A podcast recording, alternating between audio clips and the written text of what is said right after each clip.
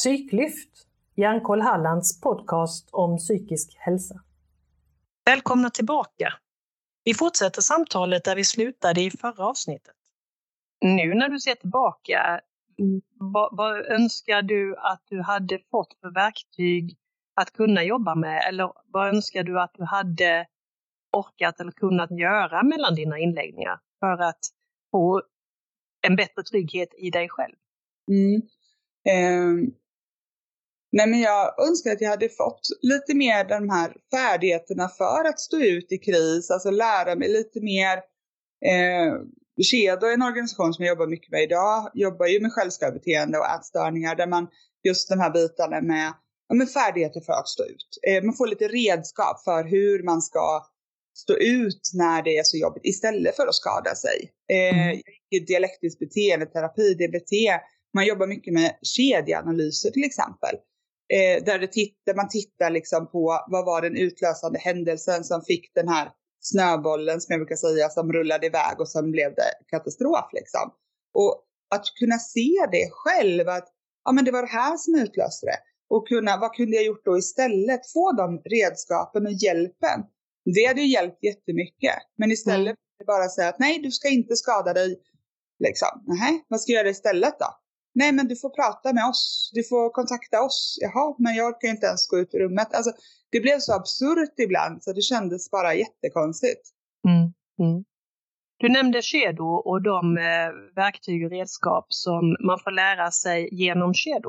Kan mm. du bara lite kort eh, ge exempel på vad det kan vara för verktyg om man mår jättedåligt och har eh, en, ett självskadebeteende eller tankar om självskadebeteende. Vad, vad finns det för verktyg att ta till då?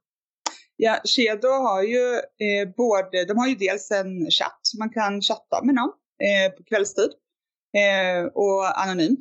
Eh, de har jourmail och sen så har de ju sin färdighetslista som de kallar den. Den finns ju, så man kan ladda ner den till telefon till exempel. Och där är det lite sådana saker att tänka på istället för att skada sig eller innan man skadar sig. Ställ dig själv de här frågorna. Lite så. För att det handlar ju mycket om att du behöver distrahera dig där och då för att inte gå in i självskadehandlingen utan istället stanna upp och eh, stå ut i den här mm. jobbiga situationen. Liksom. Och, och mm. där har kedjor lite verktyg och så eh, som bygger mycket på eh, dialektisk beteendeterapi. Lite det här med mm. färdigheter för att stå ut, hantera jobbiga situationer, eh, sådana saker. Mm. Mm. Och det är ju viktigt för, för den som lyssnar kanske och som känner igen sig i det här att, eh, att eh, veta att det finns verktyg att, att ta till. Ja. Eh, nu ska vi ju inte, verkligen inte hoppas eller tro att det ska behöva hända, men om eh, i, i liksom hypotetiskt du skulle behöva bli inlagd igen, mm. hur skulle du känna för det? Eh, först och främst tror jag det skulle kännas som ett stort nederlag. Eh, för att jag har mått bra så pass länge. Eh, och med bra menar inte jag att mitt liv går spikrakt uppåt för att livet är livet och det, det är svängningar och så. Eh, men jag har lärt mig hantera dem på ett annat sätt idag. Eh, jag vet vad jag ska vara uppmärksam på. Jag är eh, men jag försöker att hela tiden vara väldigt lyhörd mot det som kan rubba mig. Eh, att vara, bara att jag får min sömn till exempel, alla de bitarna. Så att skulle jag bli inlagd så skulle det betyda att jag har eh, missat en hel del av mina varningssignaler. Att jag inte mm. varit lyhörd för dem. Eh, och då skulle jag nog känna det som ett stort, alltså att jag svikit mig själv för att jag inte varit uppmärksam. Mm. Eh, jag tror idag att det skulle krävas väldigt mycket för att jag ska hamna där. Och mycket handlar nog också om att jag har, eh, jag lever ihop med min fru som lever med psykisk ohälsa idag. Så jag är hela tiden väldigt påmind om eh, vad, man, vad jag behöver göra och vad hon behöver göra för att det ska vara stabilt och, och vara bra. Eh, men jag tänker att skulle det värsta hända och att det hände henne något, då, då försvinner en stor del av min, min trygga punkt och då skulle mm. det nog vara det. Men då skulle jag samtidigt vara glad att vården finns där och fångar upp mig, för jag vet att man gjort det förut. Mm. Och jag vet att skulle jag behöva göra om den här långa resan som jag har gjort så skulle jag ta, göra den resan. För det är värt det. Det var verkligen värt det för mig för att mitt liv har blivit som, det har blivit en himla förbättring och jag mår så himla mycket bättre idag än vad jag har gjort. Mm. Och därför så, trots att jag i ett akut skede skulle bli väldigt ledsen och förtvivlad så, och se det som en nederlag så skulle jag samtidigt ta emot den hjälpen för att jag vet att de, de räddar liv. Mm. De räddade mm. mitt liv. Mm. Och precis som du säger, så livet är livet och, och, det kan ju hända saker som man inte i sin vildaste fantasi kan föreställa sig, men som rycker undan mattan för en fullständigt. Och det kan hända väldigt, väldigt fort. Ja. Och, och jag, är, jag är glad att du säger att du skulle göra om den långa resan alla dagar i veckan en gång till om det var så att du hamnade där och behövde det. För det, det tror jag ger mycket hopp till den som känner att eh, nu, nu skakar det i min tillvaro. Alltså jag vet inte riktigt vad jag, vad jag ska hålla mig i. Och då är det skönt att veta. Mm. Mm. Eh, du har ju nämnt en hel del saker som, eh, som var positivt mitt i allt det här eländet som ändå var under din period av, av inläggningar. Mm. Men om du ser tillbaka på, på den perioden som helhet, skulle du kunna säga någonting som, som du lärde dig då eller som kom ut som en positiv grej av det som du faktiskt inte, den erfarenheten har du nytta av idag och du hade inte haft den om inte du hade gått igenom hela den här eh, eländesperioden? Mm. Ja, alltså en av de första viktiga bitarna som jag fick med mig från min första inläggning, det var att jag jag fortsatte, fick gå, fortsätta att gå i samtal med min, eh, på mottagningen hos en kontaktperson jag hade. Och hon fick mig att våga se framåt, våga se, våga drömma, våga se utanför den sjuka biten. Eh, och det är någonting jag kan ta med mig ibland och jag kan tänka på att hur mörkt det än är, så att våga se bortom det här mörka våga drömma om framtiden. Eh, jag har vuxit upp med hund och eh, jag hade ingen hund under många år. Dels för att jag pluggade och sen blev jag sjukskriven och innan dess jobba mycket och så. Eh, men hon fick mig att våga börja drömma om att skaffa en hund igen. Eh, och tack vare hennes stöd så, så skaffade jag faktiskt en hund trots att jag mådde så dåligt. Jag hade stödet av min familj som kunde hjälpa till med den här hunden. Men det jag menade är att hon fick mig att våga tro på mig själv. Att jag skulle mm. fixa att ta hand om en hund trots att det var så mörkt. Um, och det är saker som jag brukar tänka på ibland när det, när det svajar. Att uh, trots att det är mörkt, trots att det svajar så det ljusa finns där borta någonstans. Och uh, glöm inte bort och, och se ljuset, våga drömma. Uh, det kommer inte alltid vara som det är. Mm. Så att eh, det är en sån sak som jag har haft med mig redan från min första inläggning. Mm. Och nu, nu nämnde du också att din familj stöttade dig och hjälpte dig med hunden och så. Och jag, jag funderar ju också på vad, alltså, vad säger familjen och, och hur, hur förhåller man sig som sjuk eh, till familjens eh, omtankar eller, eh, eller eh, kommentarer eller vad det nu är. För jag tänker att det kan bli så väldigt olika reaktioner, mycket beroende på okunskap. Mm. Hur var det för dig eh, i relation till familj eller vänner? Eller så? Mm. Jag skulle väl säga att första inläggningen, då hade jag väldigt mycket stöttande människor omkring mig. Alltså kompisar, vänner, eh, kollegor, eh, familjen och så. Eh, tyvärr så föll en del bort av mina så kallade vänner, brukar jag säga idag de föll bort, eh, framförallt framåt andra, tredje inläggningen. Det var precis som att de kände att Jaha, ja, ja, hon fortsätter att må dåligt. Liksom. De orkar inte peppa, de orkar inte stötta, de orkar inte finnas där. Men min familj har ju funnits där hela tiden. Och jag tror att det handlar också om att min familj har en kunskap inom vård. Eh, mamma har jobbat inom barnsjukvård, helt främmande från just den här psykiatriska biten. Men och hon har väl varit väldigt skrämd av den och framförallt det här att jag har mått så dåligt och att hon inte har kunnat veta hur hon ska hantera det. Vilket också har gjort att hon har haft mycket skuldkänslor och trott att det varit hennes fel allting. Att jag har mått dåligt på grund av något hon har gjort eller inte gjort. Eh, pappa har jobbat inom psykiatrin, han har jobbat med missbruk och han har jobbat inom behandlingshem och lite sånt. Så han har ju en annan typ av kunskap.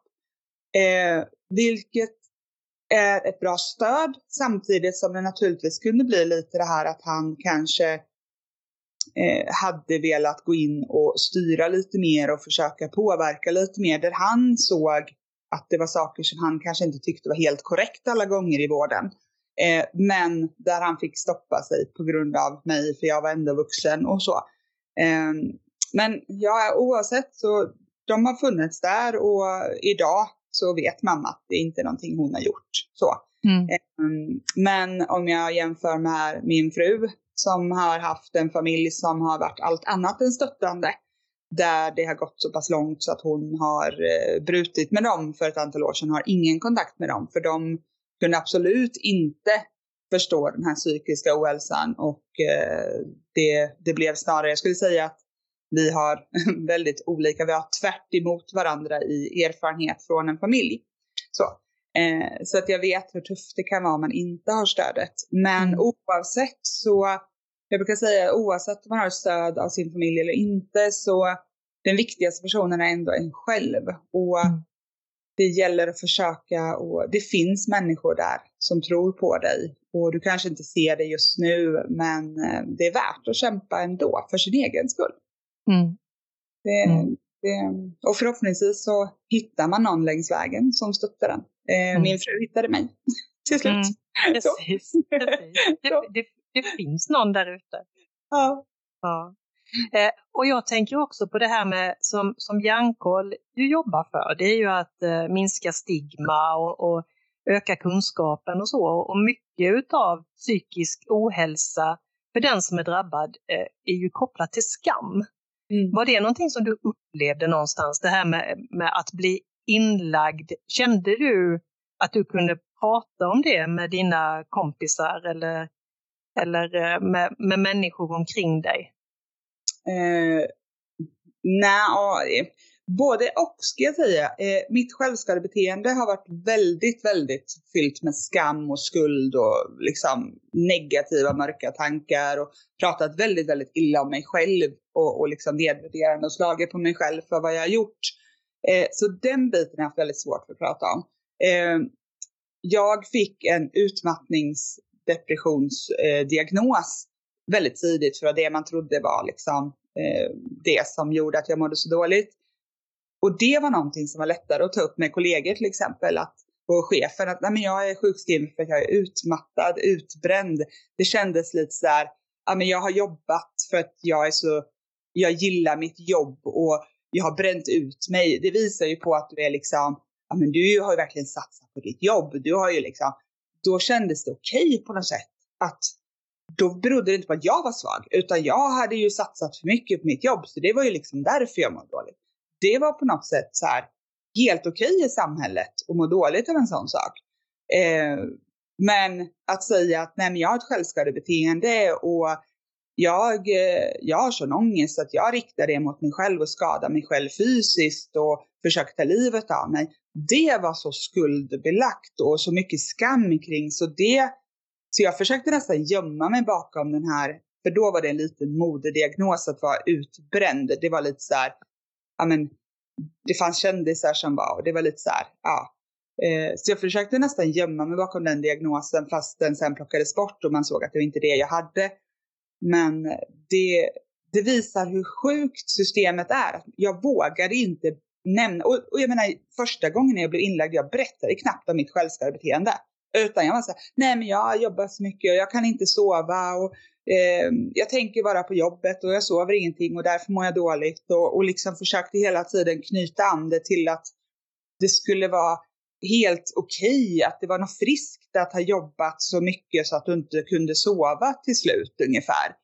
För att jag skämdes så mycket. Och det, mm. det är så hemskt att, att det var så. Mm. Men tyvärr är det ju mycket så.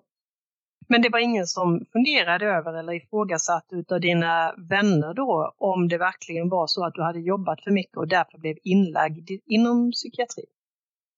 Grejen var att alla visste att jag jobbade väldigt mycket. Jag jobbade väldigt mycket övertid. Jag hade en heltidstjänst och så jobbade jag i snitt ett till två övertidspass i veckan. som nyutexad syrra och gjorde så de första två, tre åren. Så jag jobbade, jag hade en övertid på mellan 200 och 300 timmar per år under mina första år som sjuksköterska. Så att folk var snarare så här, ja men det är det här vi har sagt hela tiden, du kommer ju jobba ihjäl dig. Så mm. det var mm. snarare som att kollegor och sånt tyckte att ja, det var det här vi visste skulle hända på något sätt. Um, och sen var ju jag, hade inte jag så mycket kontakt med dem när jag var inlagd utan då stängde jag ju lite dörren och var för mig själv och sen när det började närma sig att jag mådde lite bättre och kanske sjukskrivningen skulle gå över i en arbetsträning eller så, då började jag ta lite kontakt med gamla kollegor igen. Så att um, jag, jag stängde ofta in mig och höll det så mycket för mig själv så att folk inte visste, mer än mina närmaste, närmaste vänner eh, och min familj liksom så. Mm. Var det någon som frågade dig under den här perioden, hur, hur mår du egentligen? Ja, eh, jag skulle säga att jag hade en kollega, Silla, vi umgicks väldigt mycket privat. Hon var faktiskt den som, eh, redan innan jag sökte vård, hon var den som ställde mig mot väggen. Helt enkelt. Vi var på en semester, hon och jag på Gotland, där hon eh, andra, tredje kvällen bara, men Malin, hur mår du egentligen? Alltså jag ser att du, det är något som inte stämmer, du mår ju inte bra. Du är ju så sönderstressad och du sover inte och jag ser ju att du mår fruktansvärt dåligt. Mm. Och hon sa ju till slut det liksom att eh, nu, nu måste du söka hjälp när vi kommer hem. Det, du måste det. Jag, jag kan inte stå bredvid och se på hur du bryter ner dig själv. Och, och samtidigt försöka stötta dig i det. Eh, utan du, du får faktiskt välja. Sök vård och, och jag finns här som ett stöd. Eller så, så kan inte vi umgås privat som vänner för att jag, jag mår för dåligt själv, sa Silla, av att se dig gå ner dig själv så här. Mm. Eh, så med hennes hjälp så, så sökte jag ju faktiskt vård. Vände mig till vårdcentralen och sen så småningom så fick jag kontakt med psykiatrin och så rullade det på. Mm. Eh, så att eh, min familj har ju också frågat, men vi har ju bott på så långa avstånd. Det har varit mellan 30 och 50 mil mellan mig och mina föräldrar sen, sen jag flyttade hemifrån. Så att det har varit svårare för dem att, att se riktigt hur jag mår. För är man hemma en helg så blir det på ett annat sätt än mm. om man är mitt i det. Så, mm. Mm. Eh, så jag skulle nog säga att Silla är nog den som verkligen har stuckit hål på hur jag mådde och verkligen sett det rakt igenom mig. Mm. Mm. Har ni kontakt fortfarande du och Silla? Nej, vi har faktiskt inte det. det våra vägar gled isär genom många flyttar åt olika håll. Och mm. Mm, så mm. Vi tappade tyvärr kontakten till slut, men eh, hon fanns där i många år. Mm, mm. Och eh, jag tror att det är också viktigt att förmedla det där att, att man ska våga fråga om man ser att någon mår dåligt. Våga ställ frågan, det kan inte hända någonting. Det, och, och, du kanske inte får ett ärligt svar första gången du frågar, men om du frågar igen eh, så det sätter igång någonting. Det, det kan starta en process som, som är, är en stor hjälp för den som mår dåligt.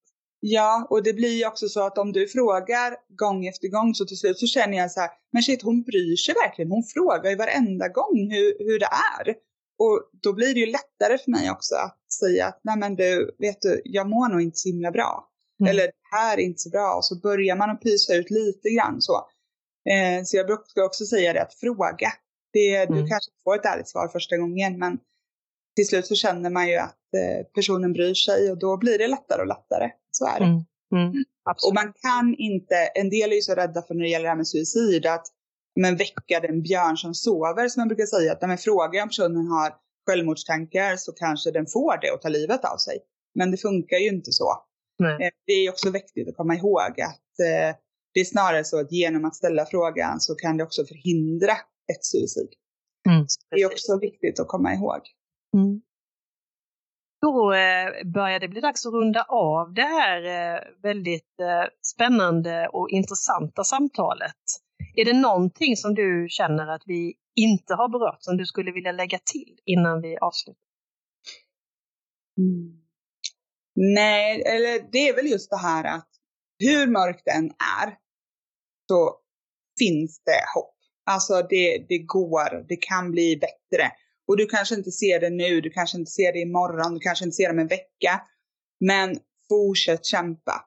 Kan du inte kämpa för din egen skull, kämpa för någonting annat. Hitta det där som gör att du kämpar, för du kommer inte ångra det.